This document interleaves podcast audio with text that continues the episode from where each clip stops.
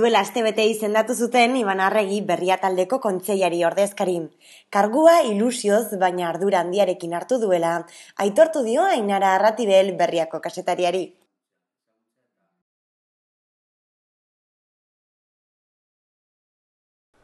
Bueno, izendapena alde batetik ardura handiarekin. Olako postu batek proiektua importantea da, herriaren txat, euskal gintzaren txat, eta izkuin normalizazioaren txat. Uste hemen lanean gabitzan denok hortaz kostiente gerala, eta horrek ba, ba ardura handia ba, ematen dit ez. Ilusioarekin ere bai, egia da, enuke, bezura esango nuke, kontrakoa esango banu, ilusioa ere ematen du, olako Hanik azken baten amasei urte da mazkit hemen lanean. Eta bueno, ba, prozesu natural bat izan da azkenean, eta, eta bueno, rekonozimentu bat ere badagoela, hori ere pentsatu nahi dutez, eta ilusioa ematen du. Eta, ba, bueno, lasaitasun ere ematen ez taldetik, eh? Ze, martxan dagoen proiektua da. Eh, sendotua ikusten Bai, bueno, sendotua, egoera zaila da, Baina lantalde osoa da martxan. Lantalde osoa bere funtzioekin, bere zereginekin, bere arduraunekin, bere zailekin. Eta, ba, bueno, ondo egiten duenari, ondo egiten ustea bezalako ikesta ez.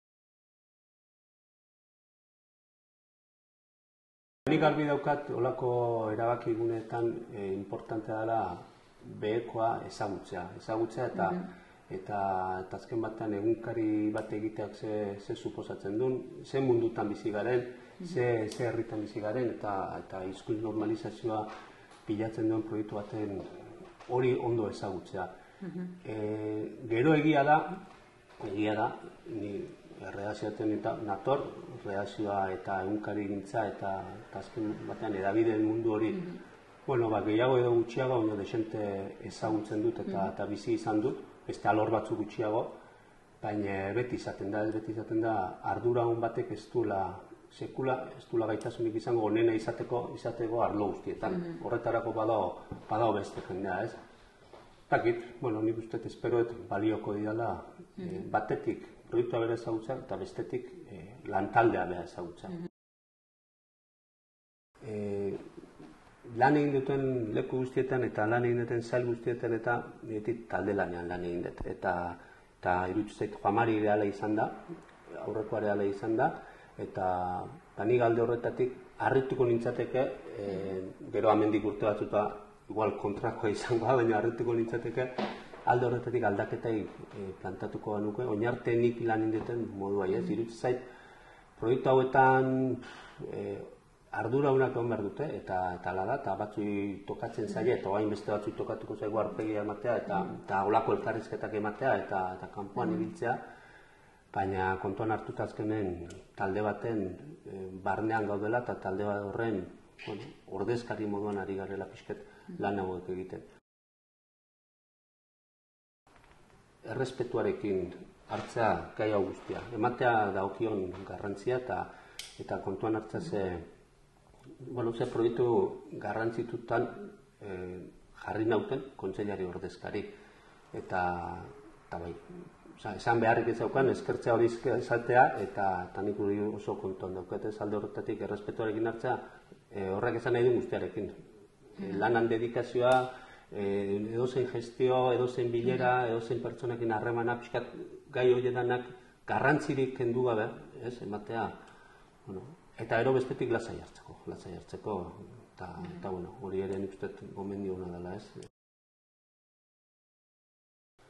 Bueno, nik azken baten kargu hau, eh, kargu hartze hau gehiago izan da pixkat e, urterrunaren bueltan egindako kontu bat, eta hor testu inguru horretan sartzen da, amargarren urterrunarekin batera erabakita zegoelako bai Jusan Izarribarrek lehen dakaritza eta Pamari Larratek kuntzelari ordezkari izateari utzuko ziotela, baina e, lehendik martxan dagoen egitazmo bat eta kudeak eta plan bat betetzea eta hori betea araztea eta horren jarraipena egitea izango da nire -hmm. Berez epe motzera begira, eta horra begira, e, hildo nagusiak eta ba, ondo identifikatuta daude, e, hor batetik dago edabideen alorra, edabideen alorra idagokionez, e, bueno, ari gara aldaketak egiten berritze prozesu batean gabiltza e, bai berria.infori begira eta, eta aurrera begira, paperera begira, ja bai, hausnarketa martxan dago, e, antolaketan ere eragina dauka eta izango du horrek, redakzioaren antolaketan, hori ere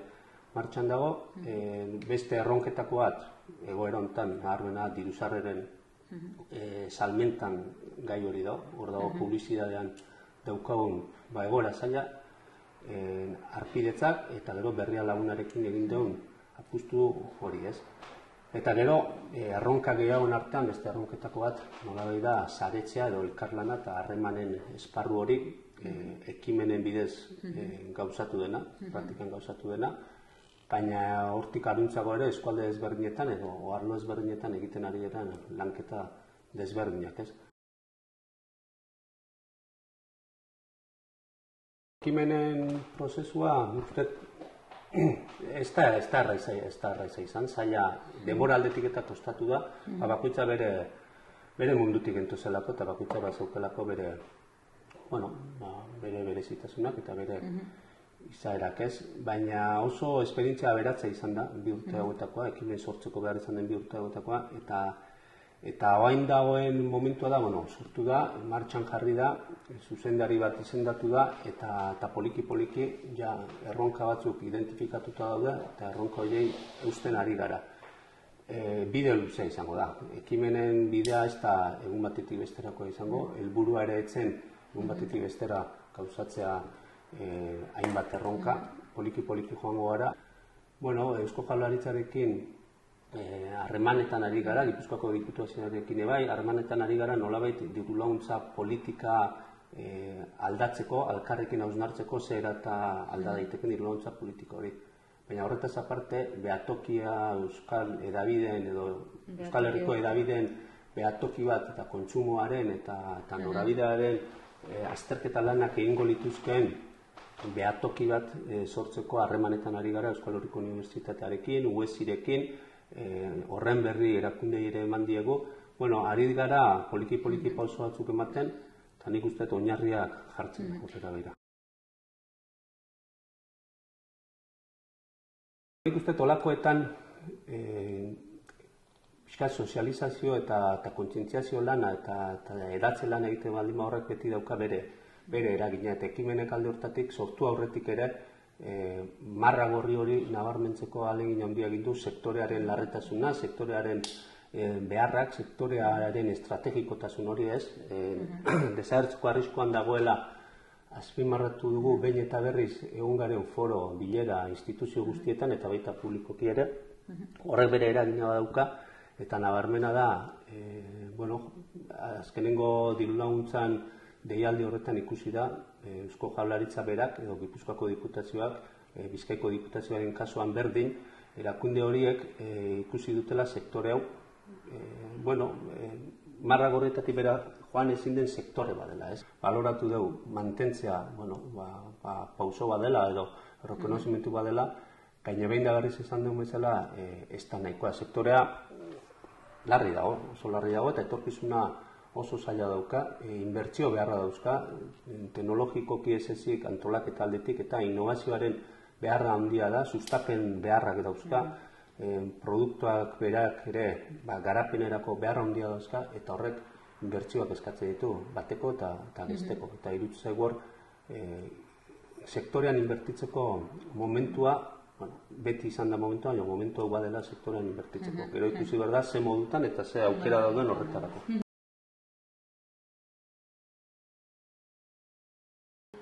Ez da erresa, ez da erresa. Entet, e, eh, diruzarrerei dagokionez, orain arte, historikoki eta, eta euskal prentzari dagokionez, hiru diruzarrera nagusi izan dira batipat, ez?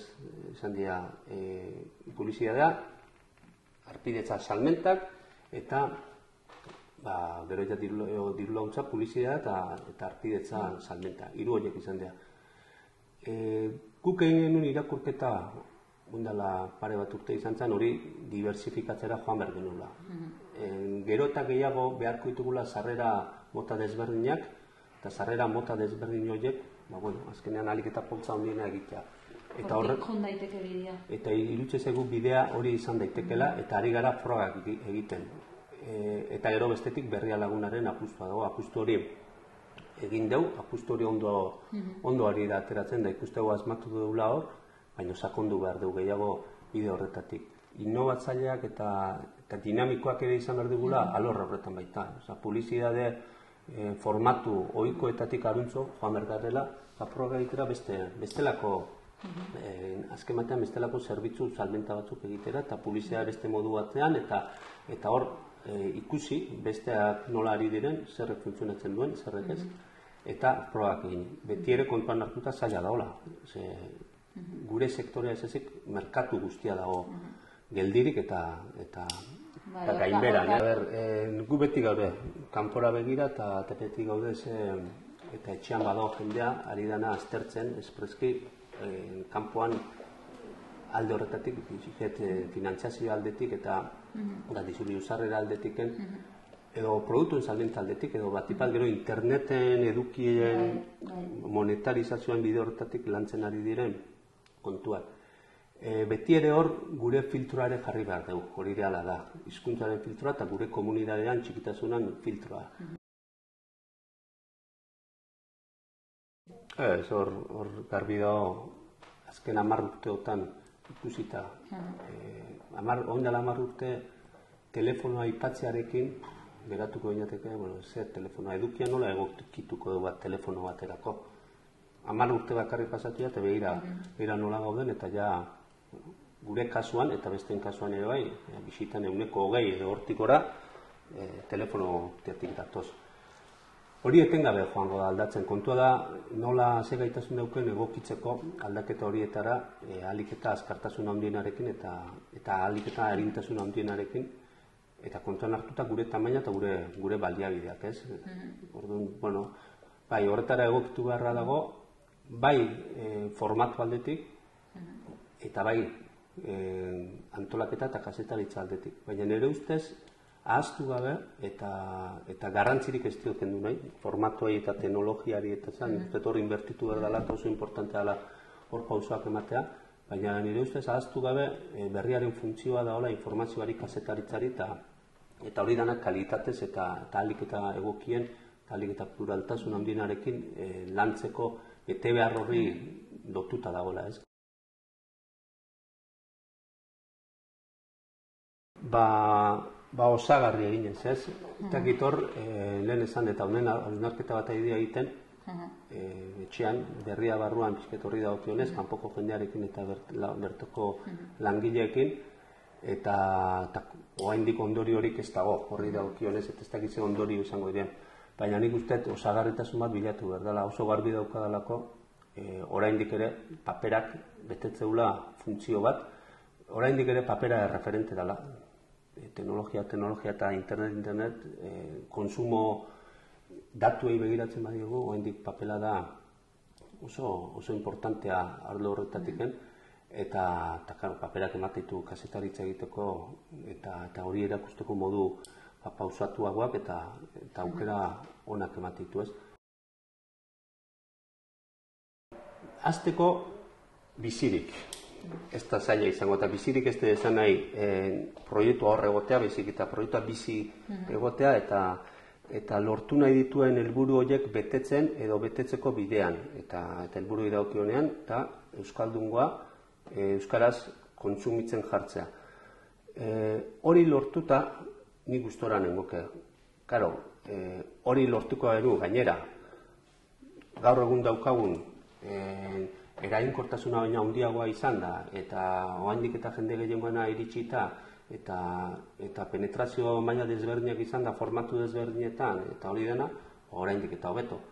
Baina nik usteet e, lortuko baino proiektua urrungo urtetan, urrungo 10, 20, 30 urtetan bizirik egotea izango duen formatoa, izango duen egituran da izango duen, bueno, ba, ba tamainan, ez? Baina izatea beintzet e, bere helburua betetzeko eta hizkuntz normalizazioan hain garrantzitsua den edabideen kontsumo hori bultzatzen jarraitzen baldin badugu, ba, ba gustora.